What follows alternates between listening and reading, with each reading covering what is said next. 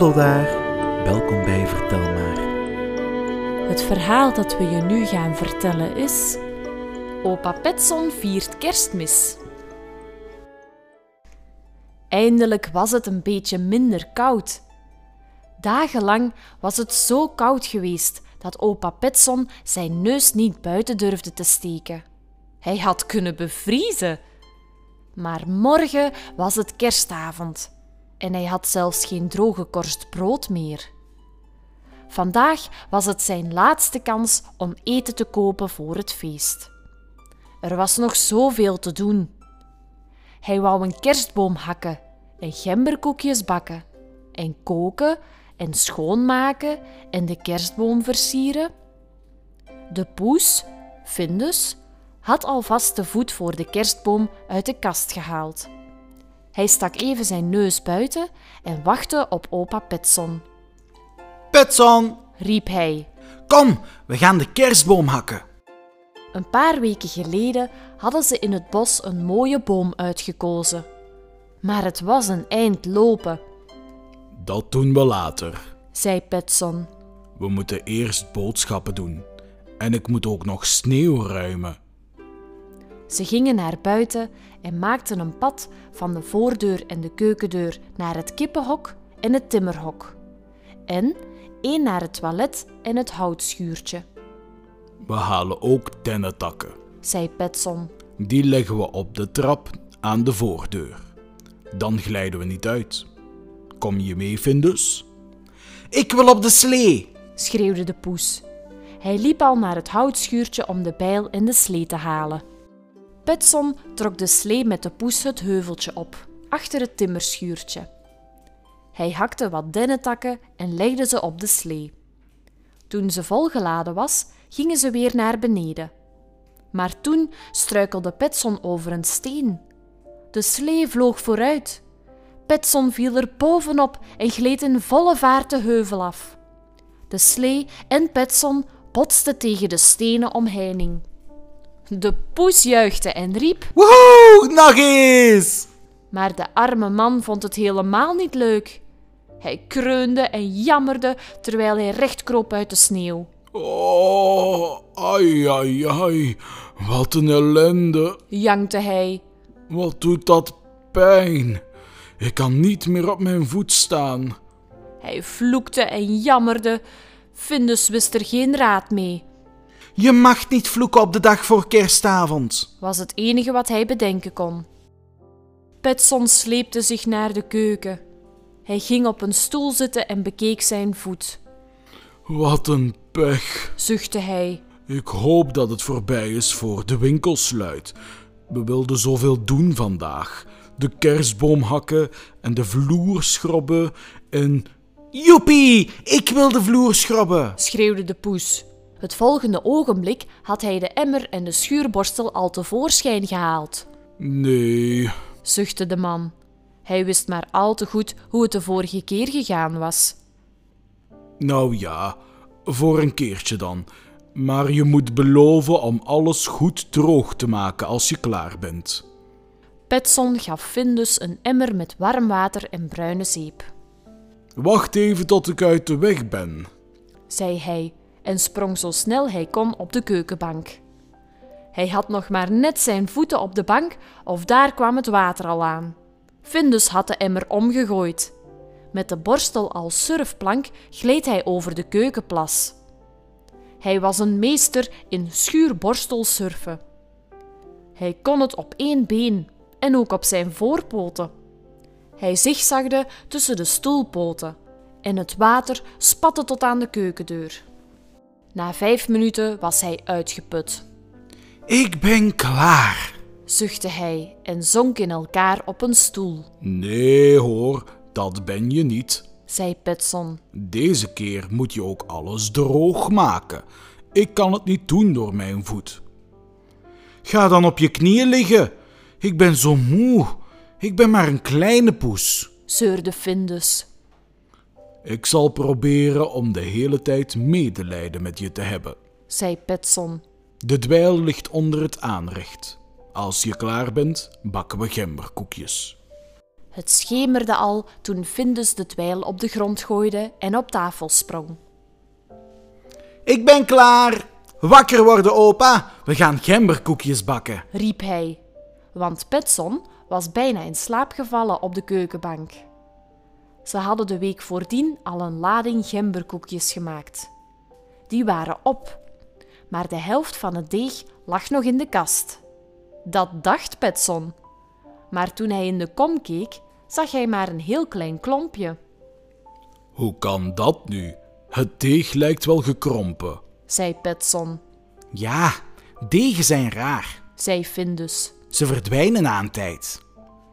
Misschien heeft er een poes van gegeten. opperde Petson, Misschien. zei de poes, Of misschien een opa. Misschien. zei opa Petson. Petson rolde het klompje deeg uit. Findus drukte met de vormpjes de koekjes uit. De restjes at hij lekker op. Er waren bijna genoeg koekjes voor één bakplaat. Toen de koekjes gebakken waren, dronken ze koffie en aten de gemberkoekjes. Zwijgend keken ze naar hun spiegelbeeld in de donkere ruit. Het kan zo stil worden als alles anders blijkt dan je gedacht had. De dag voor kerstavond was altijd zo'n vrolijke dag. Het was fijn om te bakken en te koken en alles te versieren. Nu konden ze hier alleen maar zitten wachten tot Petsons voet geen pijn meer deed. We kunnen niet naar de winkel vandaag. En morgen is hij dicht. We zullen het zonder eten moeten redden. zei Petson somber. Wat zeg je? Jankte de poes. Geen kersteten, geen rijstepap, geen gekookte ham, geen stokvis, zelfs geen knakworstjes. Nee, maar we zullen er wel iets op vinden. Vandaag kunnen we eieren eten. Er zijn ook nog aardappelen, wortelen en een blikje sardine. Wortelen op kerstavond. Bah! Kreunde Findus, Zeur niet. zei Petson. We komen nog niet om van de honger en je kerstgeschenk heb ik al. Wat krijg ik? Vroeg de poes nieuwsgierig, Dat zal je morgen wel zien. zei Petson. Nu maak ik een groot kerstpakje van deze voet en dan ga ik slapen. Hij deed twee dikke sokken aan. Hij wikkelde er een wollen trui rond en daarna een onderbroek met lange pijpen. Hij knoopte er een touwtje rond om alles goed vast te zetten. Dat was nog eens een stevig verband. Opa Petson zag er echt ziek uit. Hij ging naar bed. Findus bleef alleen zitten en keek naar de sneeuwvlokken. Was dit nu de dag voor kerstavond? Het was nog nooit zo'n droevige dag geweest. Het was nog erger dan een doodgewone saaie dinsdag. Maar een kerstgeschenk kreeg opa Petson ook. Findus haalde het cadeau tevoorschijn, draaide het in een handdoek en bond er een touwtje omheen. Het was een aardappelschildertje dat hij in het timmerhok gevonden had. Hij voelde zich al stukken beter. De volgende dag probeerde Petson opnieuw op zijn voeten staan. Het deed nog altijd pijn, maar het was niet meer zo erg als de dag voordien. Binnen een paar dagen zal het wel genezen zijn. Maar een kerstboom kan ik niet hakken vandaag. Wat? schreeuwde Findus. Ook al geen kerstboom? Dan blijft er helemaal niks meer over van kerstmis. Wie weet, misschien wordt het straks beter. probeerde Petson, maar hij geloofde het zelf ook niet meer. Hij maakte havermoutpap als ontbijt. Hij wist niet goed hoe hij Findus kon troosten. Je kon zo wel zien dat de poes droevig en boos was. Hij propte de voet voor de kerstboom vol wortels. Ze aten in stilte. Zelfs de pap was met water in plaats van met melk gekookt. Toen werd er aan de deur geklopt en Axel kwam binnen. Axel was de zoon van buurman Gustafsson. Hij hielp Petson soms met sneeuwruimen of andere karweien, Gelukkig kerstfeest. zei hij. Ik wou je komen helpen met sneeuwruimen, maar ik zie dat je het zelf al gedaan hebt. Toen kreeg hij Petsons voet in het oog. Heb je al een pakje gekregen? Ja hoor, hier beginnen we vroeg. zei Petson. Hij vertelde wat er gebeurd was. Je zal vandaag niet ver lopen. En dat op kerstavond. Heb je alles wat je nodig hebt? Eten en hout en zo. Ja. Ach, het komt wel in orde. mompelde Petson. Maar Findus kon zich niet meer bedwingen. Hij sprong op en neer als het deksel van een kokende waterketel en blies woedend. Het komt helemaal niet in orde.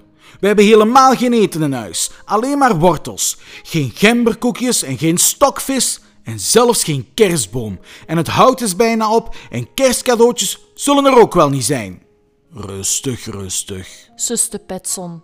We lossen het wel op. Maar een beetje melk zou wel van pas komen. Dan kunnen we tenminste de rijstepap koken. En een beetje hout misschien, als je zo lief zou willen zijn om. Axel vulde de houtvoorraad aan en daarna ging hij weg met de belofte om wat melk te brengen. Maar Findus was nog altijd bedroefd. Verdrietig gooide hij al de wortels uit de voet voor de kerstboom en probeerde er een stok in te schroeven, Ik weet hoe we een kerstboom kunnen maken. zei opa Petson plots. De poes keek hem nieuwsgierig aan, Kan je een kerstboom zelf maken? zei hij. Ja hoor. Petson vertelde aan Findus hoe hij dat wilde doen. De poes liep naar buiten en kwam al gauw weer binnen met de takken die ze al gehakt hadden. Daarna liep hij naar het timmerhok en haalde een lange lat en een handboor. Petson boorde een heleboel gaten in de lat. Daarna zette hij ze vast in de voet voor de kerstboom. Ze droegen de voet met de lat in de woonkamer en zetten hem neer op het vaste plaatsje voor de kerstboom. Daarna staken ze in elk van de gaten een dennentak. Toen ze klaar waren, leek het net een echte kerstboom, Nu kunnen we de boom versieren. zei Petson. Ik vraag me af of de versiering niet in een doos onder het bed staat. Dat dacht je. Die doos staat op zolder. Op zolder? Maar ik kan de zolder niet op met mijn voet. protesteerde Petson. En jij kan het luik niet eens openmaken.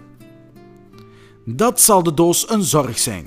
Hij blijft gewoon op zolder staan. zei Findus, Tja, dan moeten we iets anders verzinnen. dacht Petson. Ga maar naar het timmerhok en kijk eens rond.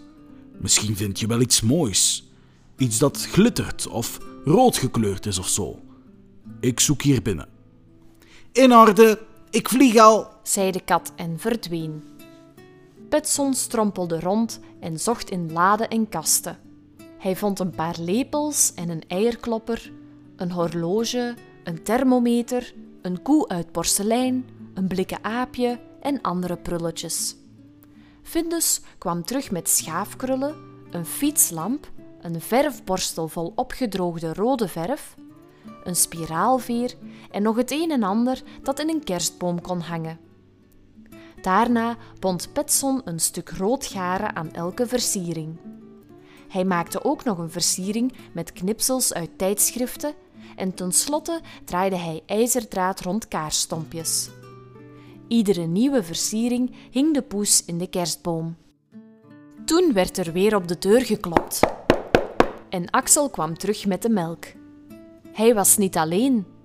Elsa, de vrouw van Gustafsson, was ook meegekomen. Ze droeg een grote mand. Zalig kerstfeest, Petson, zei Elsa. Axel vertelde dat je geen eten in huis had. Daarom hebben we wat meegebracht. Hoe is het met je voet? Die komt wel weer in orde. Maar je hoefde toch geen eten te brengen? Jullie zijn echt te vriendelijk. zei Petson. Hij was eigenlijk een beetje overdreven beleefd. Toch nam hij de mand aan. Kom binnen en drink een kop koffie. Maar ik kan jullie niets aanbieden. Maar, Petson, ik heb een hele mand vol, zei Elsa. Ze pakte al het eten uit. Een dikke plak gekookte ham, kaas, rode kool, vleesballetjes, moutbrood, een pan gekookt vlees met saus om het brood in te dopen, kerstbier, gemberkoekjes en wat snoep. Petson was ontroerd toen hij al dat eten zag. Hij wist niet hoe hij hen moest bedanken. Maar dat had je toch niet. En zelfs een pan vlees. Het is veel te veel. Jullie zijn echt veel te lief voor ons. Nee hoor, zei Elsa. Weet je wat? Ik zet wat koffie en dan kan je ons gemberkoekjes aanbieden. Na een poosje klopte Gustafsson ook aan. Hij zei dat hij een straalkacheltje wilde lenen. Maar eigenlijk was hij gewoon nieuwsgierig naar Petsons voet. Hij ging erbij zitten en kreeg ook een kop koffie. Petson vertelde nog maar eens wat er gebeurd was met zijn voet. Net toen ze wilden opstappen, zagen ze oude oma Andersson over het erf waggelen. Zij droeg ook al een mand. Zalig kerstfeest, Petson, riep ze, terwijl ze de sneeuw van haar schoenen klopte in het voorportaaltje. Elsa vertelde dat je je been gebroken had en geen eten had. Ik dacht dat je wel blij zou zijn met een beetje stokvis en een stuk worst. Petson wist niet hoe hij het had. Hij overstelpte het vrouwtje met dankbetuigingen. Hij nodigde haar uit om erbij te komen zitten. Je hebt geluk, zei Elsa. De kerstworst van ome Andersson is erg lekker. Ik denk dat ik ook maar mijn been breek. De Gustafsons bleven nog even om van de lekkere worst te proeven. En daarna warmden ze de vleespan op en doopten er gezellig hun brood in. Toen kwamen plots de buren Lindgren binnen. De keuken van Petson vulde zich met kerstwensen en gelach. Gelukkig kerstfeest! gelukkig kerstfeest! ja, zalig kerstfeest! Ze wilden natuurlijk graag weten hoe het met Petsons been was. Zij hadden ook eten meegebracht. Anderson had hen verteld wat er gebeurd was. En Petson maar bedanken en buigen en de mensen ontvangen en koffie schenken en koekjes aanbieden. Toen kwamen de Johnsons en de kinderen van Nilsson en ze brachten ook een mand mee. Ze hadden allemaal van Petsons voet gehoord. Ze konden die arme Petson toch geen kou, honger en pijn laten lijden. Zoveel volk en vrolijkheid was er niet meer geweest sinds opa Petson 60 jaar werd. En dat was al een hele tijd geleden. Findus vond dat de grote mensen te veel praten en te weinig speelden. Hij moest zijn beste kunstjes uithalen om hun aandacht te trekken. Toen de kinderen kwamen, liet hij hen onmiddellijk de kerstboom zien. Hij had de kerstversiering veel te laag gehangen, omdat hij niet hoger kon. De kinderen hielpen hem alles wat hoger te hangen. Kom eens naar de kerstboom kijken, riepen ze. Findus en Petson hebben ze zelf gemaakt. Iedereen ging naar de woonkamer en ze zeiden: Oh, wat, oh, wat mooi. Wie had gedacht dat je zelf een kerstboom kan maken? En? Wat ben je een flinke kat, Findus. Dat vonden Petson en Findus ook. Na een tijdje besloten de Gustafsons om thuis verder te vieren. De anderen gingen ook naar huis. Petson keek hen na en hoorde het gelach en gepraat verdwijnen tussen de sneeuwvlokken. Ze vonden het bijna te stil nu iedereen weg was. Het duurde even voor ze de rust weer gewoon waren. En al waren ze maar met z'n tweetjes, het werd nu toch een echte kerstavond.